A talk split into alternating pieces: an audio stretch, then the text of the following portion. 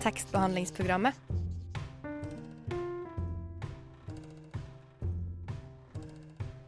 Tekstbehandling på radio.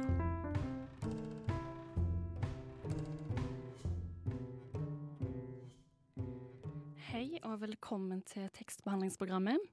Jeg heter Sofie Meirones, og med meg i studio har jeg kollega Sandra Ruud. Og tekniker i dag er Edvard Moen.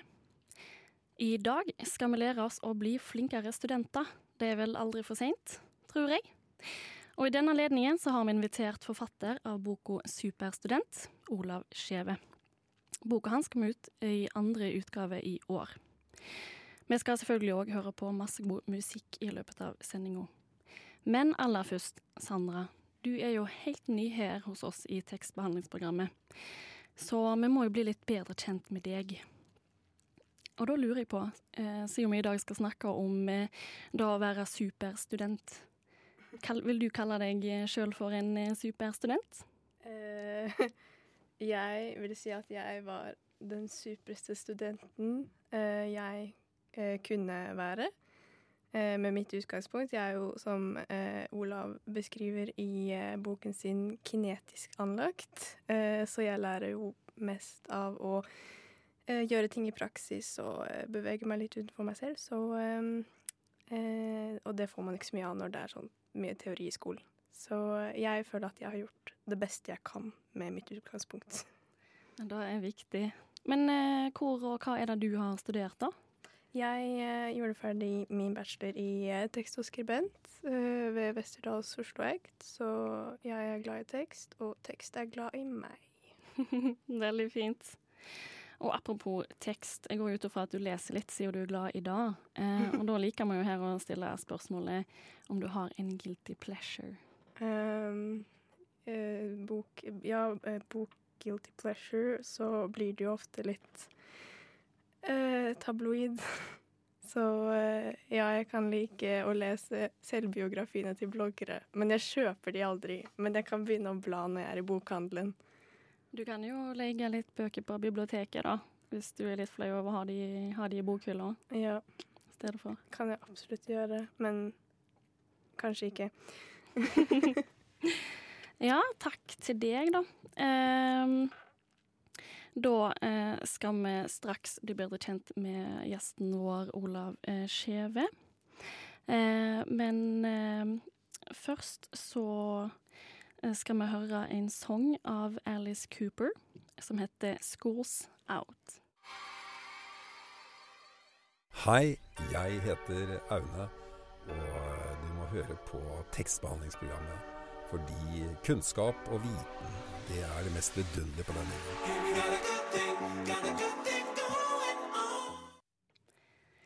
Der hørte vi altså 'Schools Out' av Alice Cooper.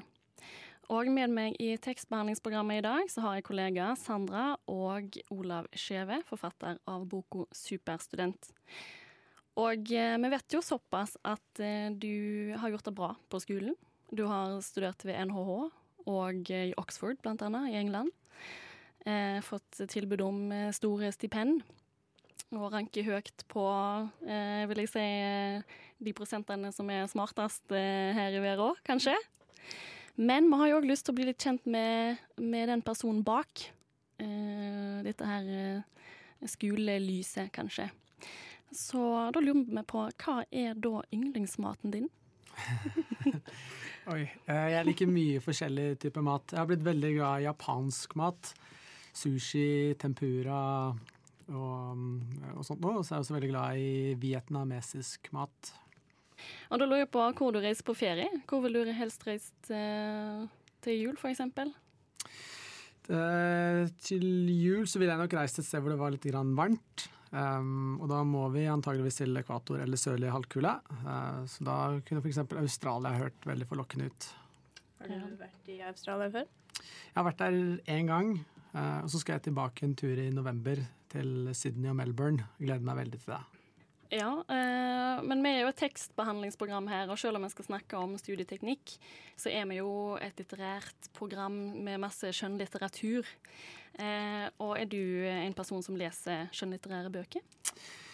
Eh, det har ikke så veldig mye. Jeg leser utrolig mye, for jeg liker å forstå hvordan man lærer og, eh, og sånt noe. Det er veldig mange ting som påvirker det, så jeg leser veldig mye sakprosa.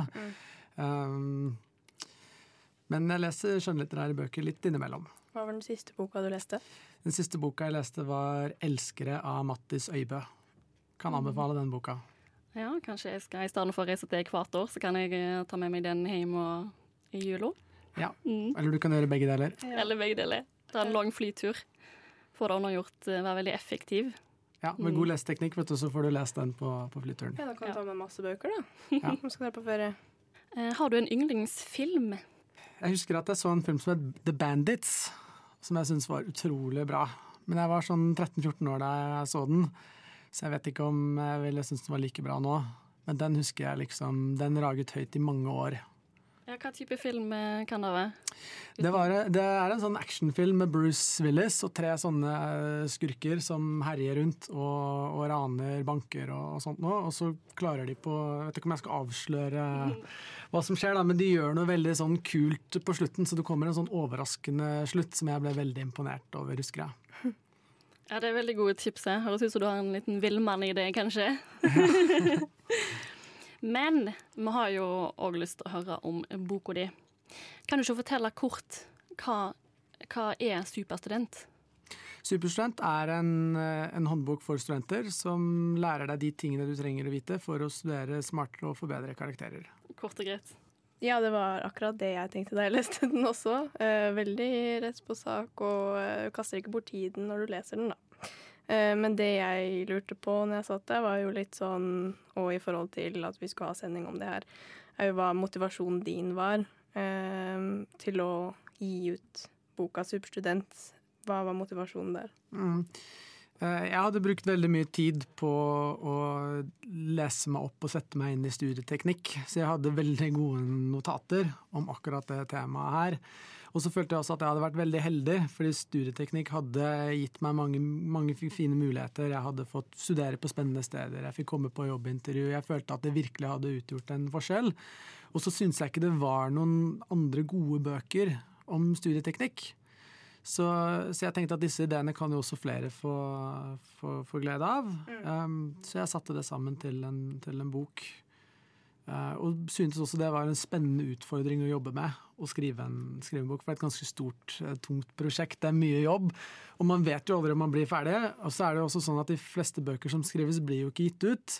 Så man tar jo liksom Det er en sånn Det er en, det er en challenge da, å skrive en bok, så det var et spennende ting å jobbe med. Ja, for eh, hvordan, så du, hvordan så du på det i, i forhold til å, å skrive en bok da, i sammenligning med å, å gjøre en eksamen? Det er det er en veldig lang eksamen hvis du skal sammenligne det med en eksamen. Og du Ja. må ha utholdenhet, og du må tåle en del setbacks. Du må tåle at ting tar mye lengre tid enn det du tror det vil ta. Eh, og så i utgangspunktet så er jo eh, Jeg føler ikke at jeg er noe spesielt god til å skrive. Jeg har blitt det etter hvert, men altså det har tatt veldig lang tid. Det har, kommet, det har gått veldig treigt når jeg har, har skrevet. Eh, Ikke sant? Og så skriver du noe, og så kanskje hvis du har en eksamen, så når, når um, tida er ferdig, så leverer du det du har. Mens en bok bestemmer du selv når du er ferdig, så du kan jo på en måte bare fortsette å skrive og skrive og forbedre og aldri bli fornøyd. Ja. Så på et eller annet tidspunkt så må du jo også bare si nå er nok er nok. Så det krever liksom selvdisiplin på mange ulike måter. Men det hadde du jo. Tydeligvis så, så ja, hadde jeg det, det. i, du skriver det jo i Superstudent at man må jo ha god disiplin for eh, mange av eh, for å utføre mer av studieteknikken, da. det. Det må man. Selvdisiplin er utrolig viktig. Men så er det sånn at hvis du er motivert for noe, eh, så synes du antageligvis det du gjør også er litt grann gøy. Ja. Og da trenger du ikke like mye selvdisiplin.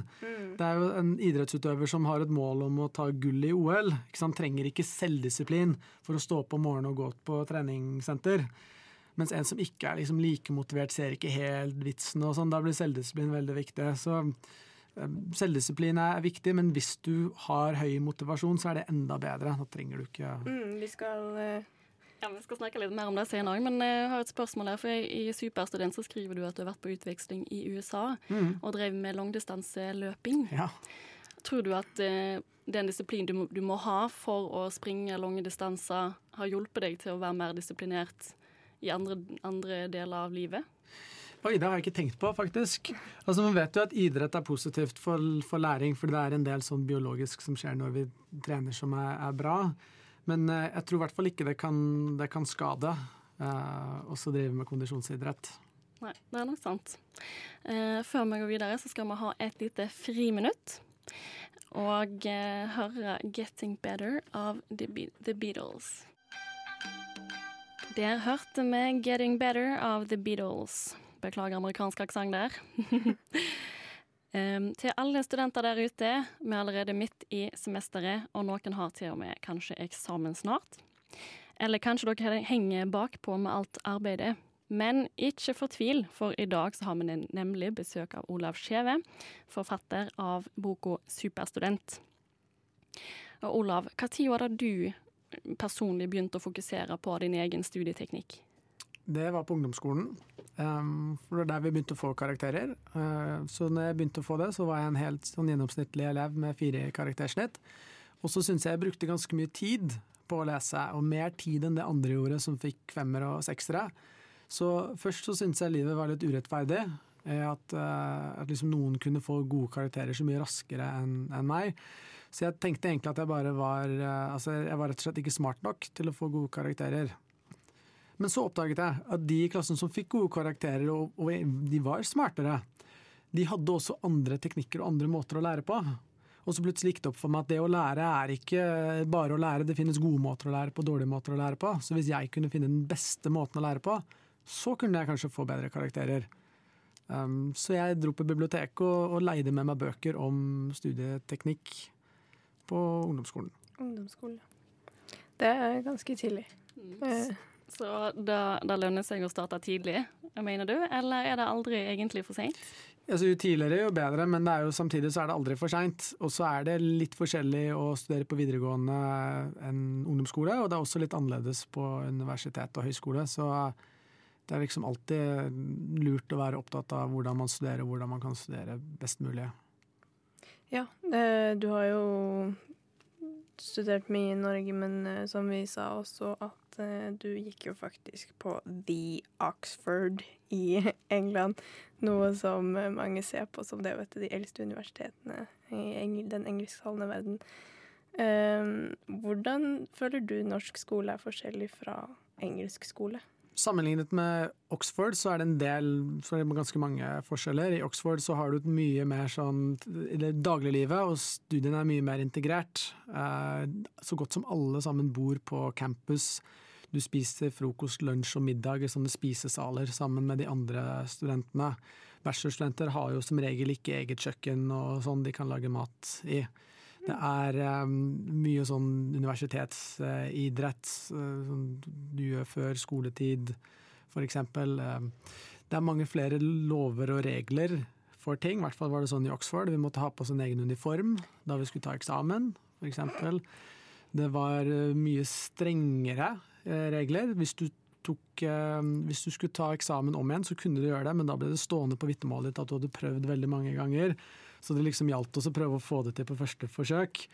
Så um, veldig mange, veldig mange Veldig mye som var annerledes, men også veldig mye som var gøy, ja. syns jeg, da. Ja, beklager. Ja, følte du at det var positivt, den forskjellen, da? At det var så mange regler? Det var bare litt sånn morsomt å liksom observere. Sånn, gikk på eksamen i liksom full dress og sort kapp og Det var litt sånn, bare litt sånn morsomt, litt annerledes. Ja. Ikke parykk, håper jeg? Nei, Nei. ikke parykk, men vi hadde med denne, denne, hatten som du ser på graduation, at man liksom kaster i været. Ja. Den må vi ha med oss på eksamen. Men man har ikke lov til å ta den på seg. Det er først når du er ferdig med graden din at du har lov til å ha den på hodet. Men den skal liksom være med deg og på pulten når du tar eksamen. Ja, litt annerledes enn uh, Eksentrisk. Ja. Mm. Men uh, ja, Veldig kjekt å høre om uh, studielivet. Men vi er jo òg her for å snakke om boka di. Uh, og den er delt inn i tre deler. En første delen er å lære effektivt. Andre delen er prester optimalt. Og tredje delen er tenk rett. Er det en, en av disse delene her som du tenker er mer viktig enn andre? Jeg tenker det, det, er på en måte samspillet mellom de som er, er viktig. Det er eh, Hvis du skal få en god karakter på eksamen, så hjelper det ikke å kunne alt hvis ikke du klarer å få det fram, så da kommer den delen med sånn prestasjonsteknikk inn. Samtidig så hjelper det ikke å vite hvordan man leser effektivt hvis ikke du er motivert til å lese. Så det er vel, Jeg vil si at alle sammen er viktige, men hvis, hvis jeg bare kunne valgt én ting, da, eller liksom ett tema fra boken som jeg tenkte er det viktigste, så ville jeg trukket fram motivasjon. Ja, det er jo sånn som du nevnte før, at uh, uten motivasjon så må du i alle fall ha uh, god disiplin for å komme deg gjennom det du skal. Uh, nå skal vi høre 'Follow the Lights' av Pam Poco.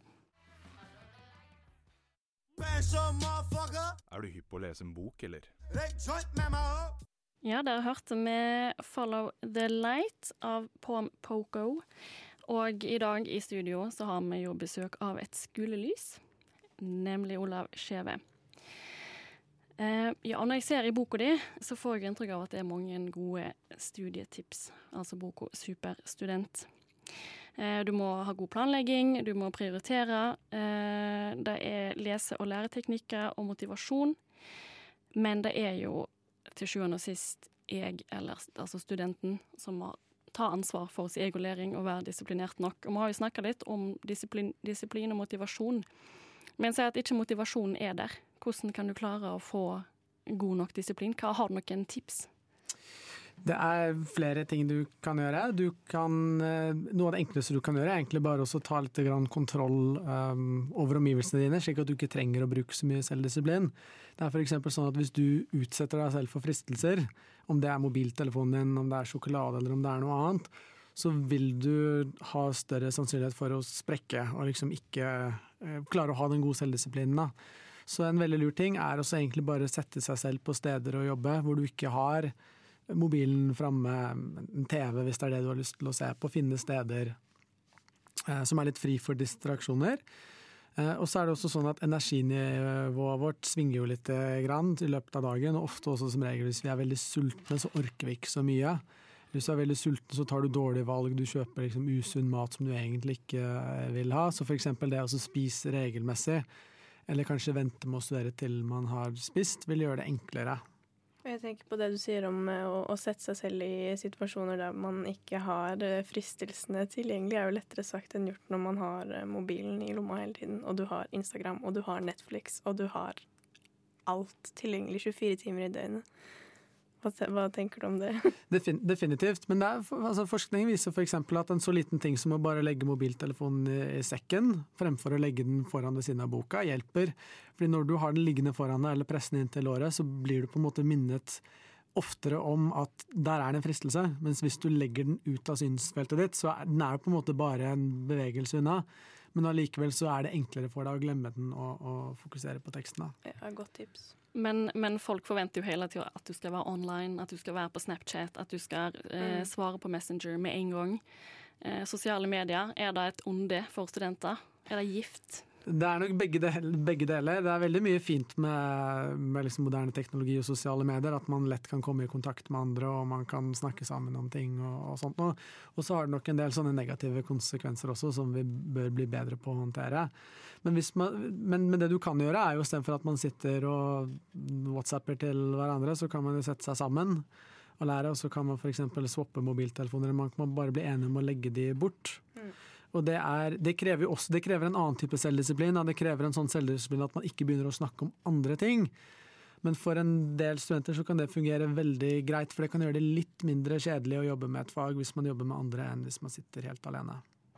Masse gode tips her, altså. Så hvis du som student ennå ikke har prøvd ut dette, og ennå ikke har laget telefon i sekken mens du studerer, gjør det neste gang du tar turen til biblioteket.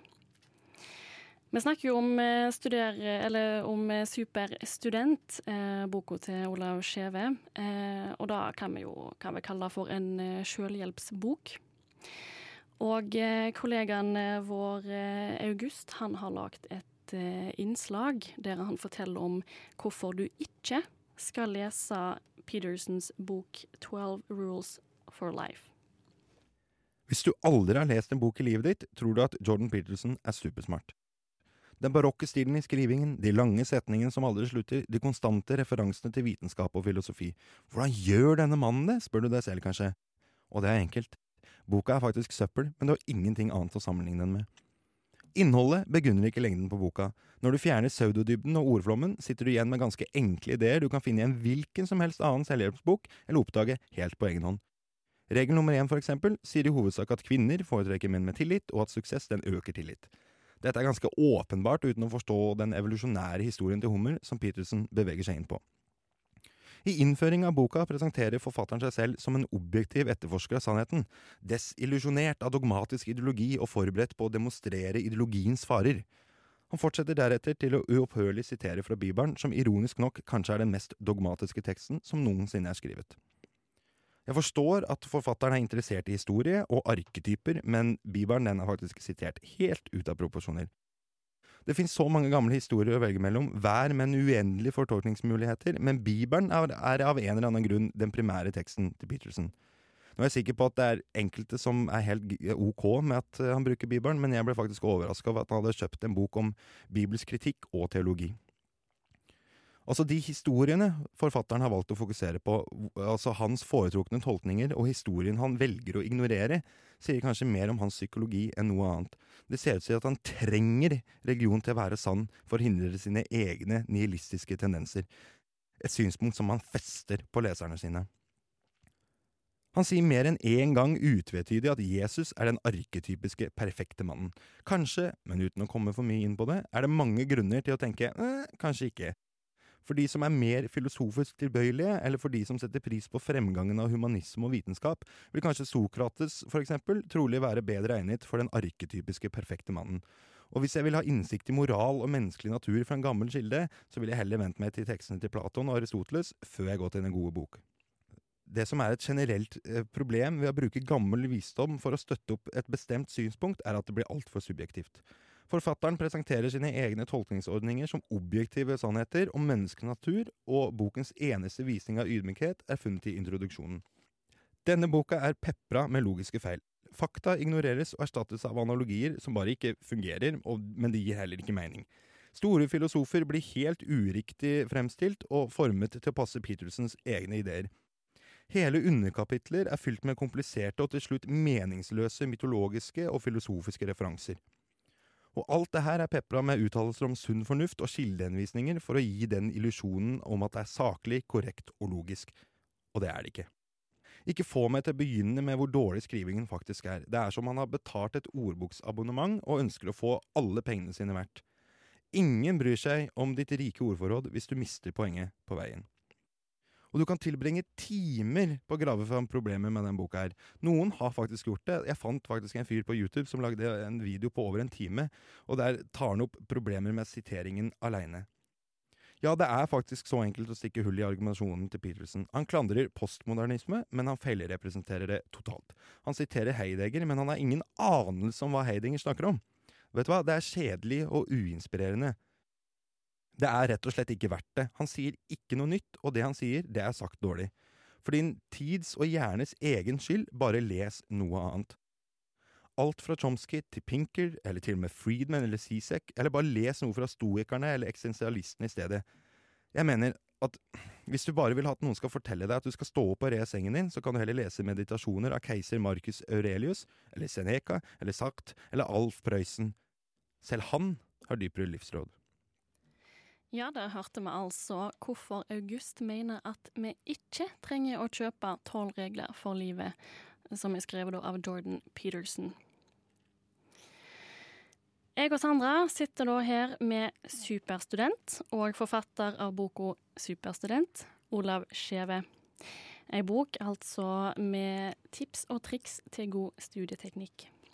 Og nå hørte vi jo nettopp eh, denne selvhjelpsboka, eh, en liten fortelling om hvorfor du ikke skal kjøpe selvhjelpsboka til Peterson. Og, men du har vel lest en del selvhjelpsbøker. Hva er ditt inntrykk av, eh, av eh, sånne type bøker? Jeg syns det er ofte veldig mye bra, veldig mye nyttige råd og tips. Men så er jeg også enig med at det, det kan være lurt å ha litt sunn skepsis når man leser bøker. Og det er, er ikke alle bøker som er bra. Så Eh, kommer an på. Kommer an på. Det er et svar vi kan leve med. Eh, tilbake igjen til boka di, for den er jo oversett til 13 språk, stemmer ikke det? Mm. Eh, og hva sier da om studentene og deres studieteknikk rundt omkring i verden, tror du? Det sier vel at det er potensial for forbedring også utenfor Norge. Eh, og så vet jeg at i en del andre land, spesielt i Asia, så er det et mye større press enn det det er i, i Norge. Det er så mye som står på spill. Eh, og det er sånne opptakseksamen som er ganske vanskelig, og det er eh, ja, det er, det er mye hardere og, og, tøffere, da, som gjør at på en måte studiete altså studieteknikk er egentlig alltid viktig. Det er, vi lærer hele livet, så det å kunne lære raskt og enkelt er, er alltid aktuelt. Um, men, men, men, som sagt, noen steder så er det kanskje på en måte hakket um, hakket mer aktuelt enn i Norge. Hva tenker du da, sier jo selv om ikke opptaksprøver er så viktig i Norge, så er jo studieteknikk viktig for å gjøre det bra. Eh, hadde det vært lurt, tror du, å innføre et fag om studieteknikk i Norge? Det tror jeg absolutt. Nå skjer det jo i hvert fall noe. Det kommer en ny læreplan i 2020 som faktisk har å lære å lære som ett av fem grunnleggende prinsipper. Så endelig så skal skolen forsøke å lære elevene å lære. Så jeg tror ikke det blir et eget fag, men det virker som om det skal komme inn i de andre fagene, og det er på tide. Ja, det er på tide. Det hadde vært fint om eh, vi hadde det da vi gikk på barneskolen, f.eks.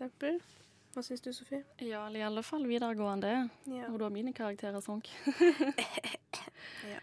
Mm. Eh, Olav, jeg lurer på um, Fordi i boka di så skriver du ofte um, ting som folk gjør feil, da. Og så Her kan du gjøre det bedre, på en måte. Um, hva mener du norske elever kan bli bedre på? Um, det er, det er, det er altså, Da tenker du elever på videregående, eller mm. istedenfor studenter?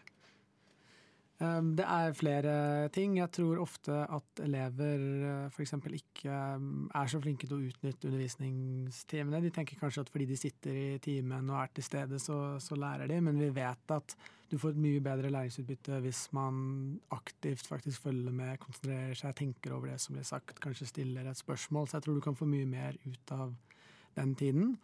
Og så tror jeg også at um, Jeg vet ikke om man skal kalle det feil, men på videregående så kan man klare seg ganske greit og få gode karakterer ved å sitte dagen før og på en måte jobbe veldig intensivt. Mm. Uh, men det funker ikke på universitetet. Det er for mye pensum, det er for vanskelig. Så man, på en måte, man blir vant på videregående til å jobbe på en måte som ikke fungerer senere. Da, og så får du et sånt uh, Får du litt problemer. Så det å på en måte finne en smartere måte å jobbe på, det tror jeg kan være lurt. Og man vet også at hvis du sitter og jobber veldig intensivt, så husker du veldig mye rett etter at du er ferdig. Men allerede etter én til to dager så er veldig mye av det, av det glemt. Så en mye bedre måte er f.eks. å begynne litt tidligere og, og spre læringen litt grann, grann ut. Og da gjør du det like bra på, på, akkurat en prøve, men du tar også med deg kunnskapen videre. Der tror jeg videregående elever har mye å hente. Det er jo et eget uttrykk, tror jeg, på tysk, som jeg ikke husker nå. Da lurer på om du kanskje nevnte i boka di at uh, du leser dagen før, og så spyr du ut alt på eksamen. Ja, sånn bulimilernen. Ja, stemmer. For sånn oppkast, oppkastlæring, hvor det bare alt sammen inn. Ja, Bulimilæring, blir det ikke det? Hvor det bare alt sammen inn, og så ut mm. rett etterpå. Det var veldig, veldig forklarende. Veldig sunt. Ja.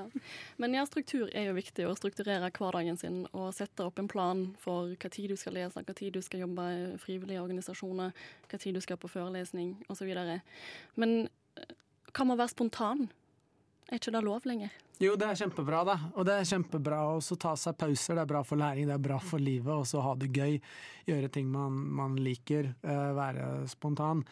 Men uh, det er også sånn at hvis du har veldig mange tanker og ting du skal gjøre, og alt det er oppi hodet ditt, så på en måte sliter du ut hodet ditt på å holde styr på alle sånne små detaljer i livet ditt. Så hvis du skriver ting ned i en kalender eller lager en plan, så på en måte outsourcer du en del av hukommelsen til papir, da. Og det er, um, det er lurt. Og mens vi fordøyer all denne gode informasjonen her, og forhåpentligvis holder nede, så skal vi høre 'Resister' av She Drew The Gun.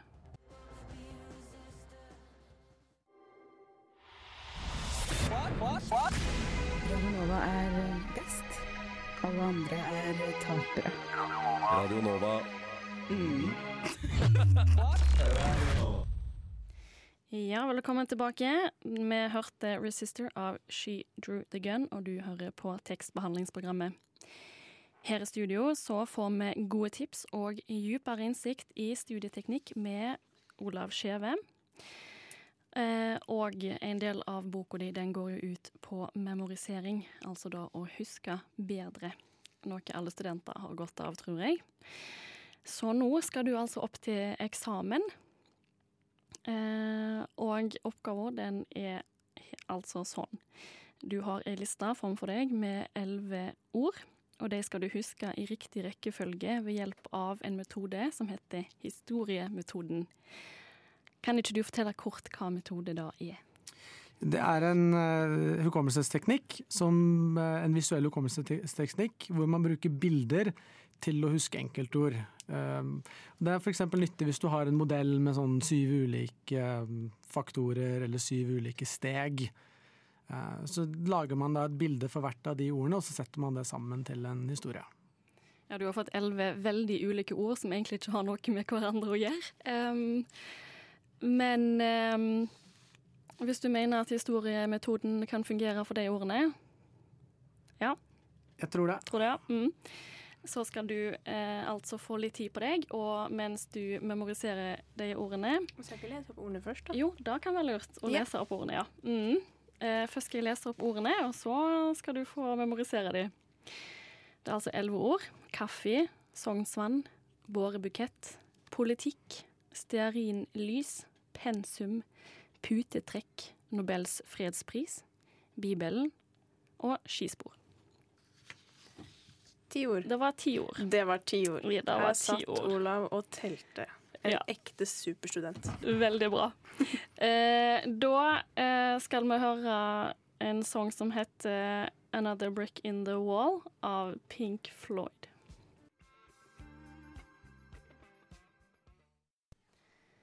Ja, der hørte vi 'Another Brick In The Wall' av Pink Floyd. Altså We Don't Need No Education. Men eh, jeg tror kanskje jeg trenger litt mer utdanning for å lære meg å telle. Ja. Eh, forfatteren av Superstudent, Olav Skjeve, han skal nå demonstrere en memoreringsteknikk, nemlig historiemetoden. Det var altså ti ord som du skulle huske i riktig rekkefølge. Eh, er du klar? Jeg er klar. Vær så god. Skal jeg lese opp ordene i riktig, rekkefølge-? Ja. ja. Men Eh, eh, du kan godt, eh, hvis du bruker historiemetoden og lager noen bilder, kan du godt fortelle hva bilde du har i hodet ditt. jeg, Ja. jeg, kan si meg, jeg kan si de bildene jeg har i hodet, og så Ja. hva som er det ordet jeg skal huske, og så skal jeg forklare etterpå hvordan jeg tenkte. Fordi det er alltid viktig å tilpasse seg, og jeg fant ut i siste liten at jeg ville bruke en annen visuell teknikk. Så jeg skal forklare etterpå hvor, hvilken teknikk jeg brukte. Eh, Men da starter jeg med å se for meg et bilde av en kaffepose med en gren som stikker opp av den. Så kaffe er det første ordet. Så ser jeg en sko som flyter på en liten innsjø. eh, Så det andre ordet var Sognsvann. Eh, Så ser jeg for meg en kiste med noen blomster som står oppe på en isbre. Så det tredje ordet var bårebukett. Så ser jeg for meg eh, Knut Arild Hareide som står og flirer. Eh, så det fjerde ordet var politikk. Så eh, ser jeg for meg eh, to stearinlys med armer som klemmer på hverandre. Så det femte ordet var eh, stearinlys. Eh, Så ser jeg for meg en bok som har byttet ut permen med kjeks. Så det sjette ordet er pensum. Så ser jeg for meg en tyv som løper rundt med et putetrekk over hodet sitt, så han ser ingenting. Så det syvende ordet er putetrekk. Eh, Så ser jeg for meg en rotte med en liten medalje rundt halsen. Så det åttende ordet er Nobels fredspris. Eh, Og så ser jeg for meg en liten hule med en eh, liten bok inni. Så det niende ordet er Bibel. Og så ser jeg for meg noen ski som går ned et skispor, så det tiende ordet er skispor. Du fikk alle ordene riktig og i riktig rekkefølge, og da må du jo forklare hva teknikk, eller hva den, hvordan du får til den teknikken her. Ja, så jeg brukte en veldig enkel eh, teknikk som eh, jeg kaller for 1-10-teknikken, som fungerer hvis man har opptil ti år, men det blir litt vanskeligere hvis det er flere. Og det er rett og slett å bare danne seg ti bilder. Og så sørger du for at hver bilde har et element i seg som rimer på ordet. Så når jeg fortalte, så sa jeg at det første var en gren i kaffepose, for én rim på gren. Og så var det en sko på vannet, og skorim på to. Og så var det en isbre, hvor denne bårebuketten lå, for isbre rimer på tre. Og så videre. Og så har du flire og fire, og så har du fem og klem, seks og kjeks, som var denne boka med kjekscover. Syv tyv med putetrekket. Åtte rotte. Ni hi, eller en slags hule. Og ti ski som var disse skiene som gikk ned skisporet. Altså, jeg er så imponert. Dette kun, at dette kan bli en ny litterær sjanger, liksom. En litterær sjanger. Ja. Mm. Ja. Men jeg sitter bare og tenker på at vi skulle hatt elleve ord. Ja, Fordi da neste gang. Men ja, altså du har bestått. Eh, Jeg vil si at du fikk A pluss. Mm. Veldig fornøyd med det. Vi nærmer oss eh, slutten av sendinga nå, dessverre. Eh, eh, men tusen takk for at du kom til oss her i studio, Olav. Det setter vi stor pris på. Har du et siste hyl til oss studenter? Eh, husk også å ta pauser og ha det gøy, for det er også viktig. Veldig bra. Tusen takk, Olav. Mm. Da skal vi over på et helt annet tema enn studieteknikk. For Anna Hvitt, hun, har, eh, hun forteller om da vi skrev som barn. Jeg heter Anna Hvitt, og jeg har vært hjemme i barndomshjemmet mitt og gravd i skuffer og skap. Der fant jeg hauger på hauger med notatbøker, skolestiler og fortellinger jeg selv har skrevet som liten. Jeg fant også denne fortellingen med overskriften Ting og ting. Det var en gang en gutt og en jente som likte så godt å samle på småting, så hver eneste morgen gikk de sammen ned til stranden og samlet små ting. Hvis den stranden ikke hadde vært der, visste de ikke hva de skulle gjøre. Men ligger det noe i det vi skrev som barn? Og hva med de som faktisk ble forfattere? Hva finnes i skuffene i deres barndomshjem?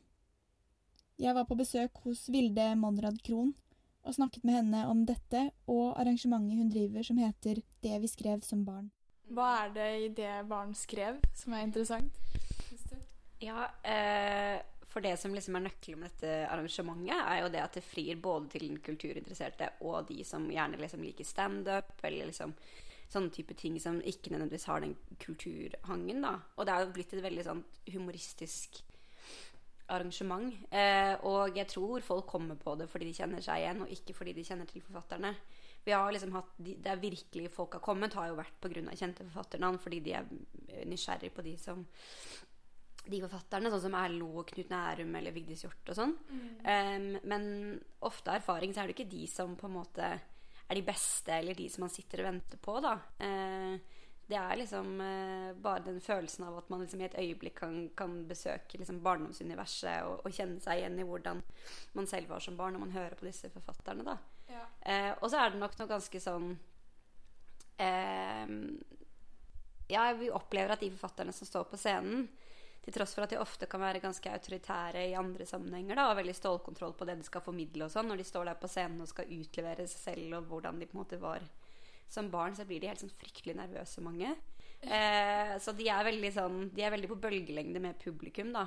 Det er veldig lite sånn ovenfra og ned. Men det som jo er så nydelig, syns jeg, er jo det at, at det er jo på en måte det, dette redigeringsgenet, liksom, som man i aller høyeste grad har som forfatter som som voksen, da. Den hadde, hadde, man jo ikke som barn i det hele tatt. Man skrev jo ikke til en mottaker. Det var liksom bare et medium for å kunne utforske en eller annen del av fantasien din. Har du noen uh, favoritt-barneforfattere uh, av de som har vært på besøk?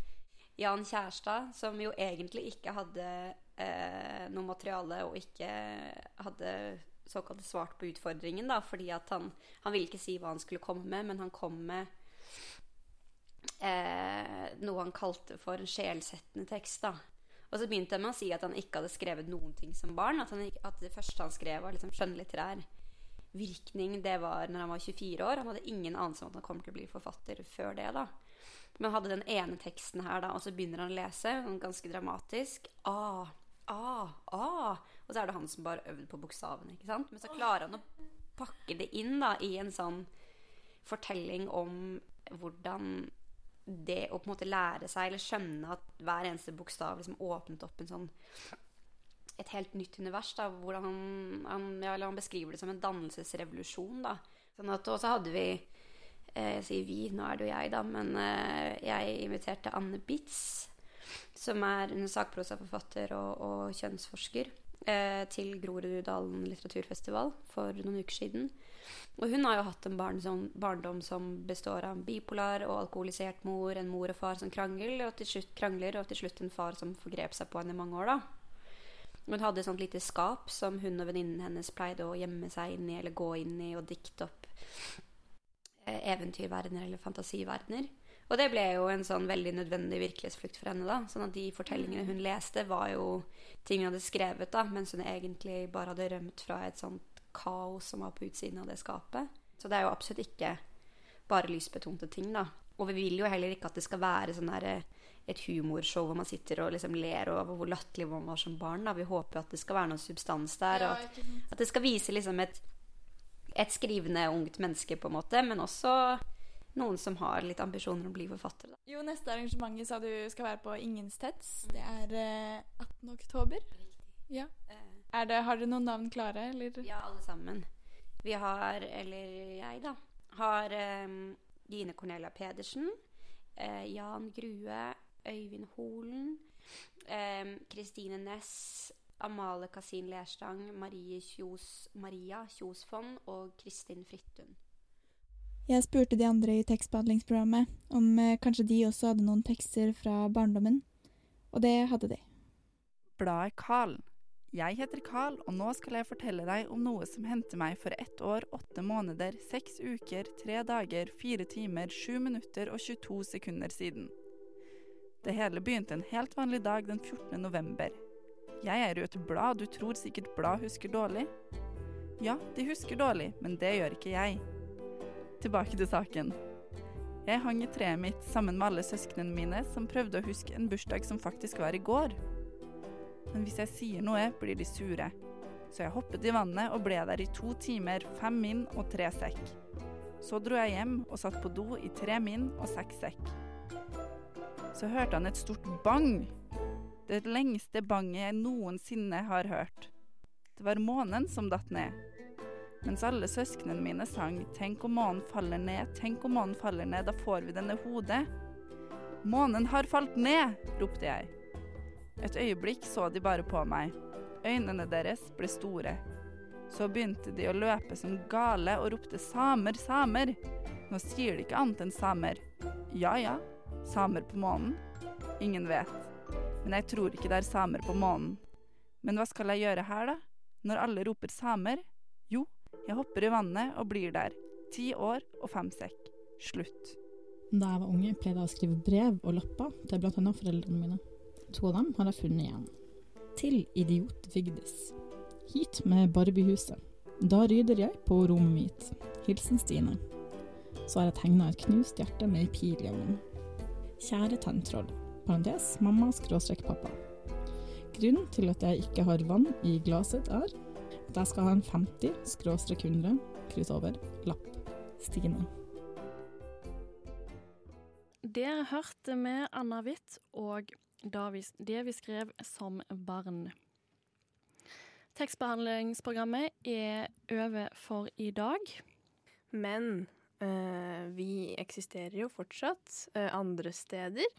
For eksempel på Du kan finne oss som undertektbehandlingsprogrammet på Instagram, eh, på Facebook, eh, og så kan du også høre denne sendingen eh, fra din lokale podkast-app.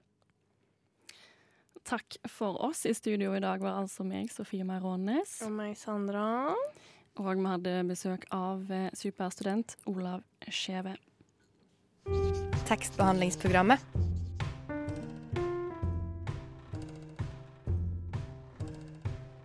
Tekstbehandling på radio.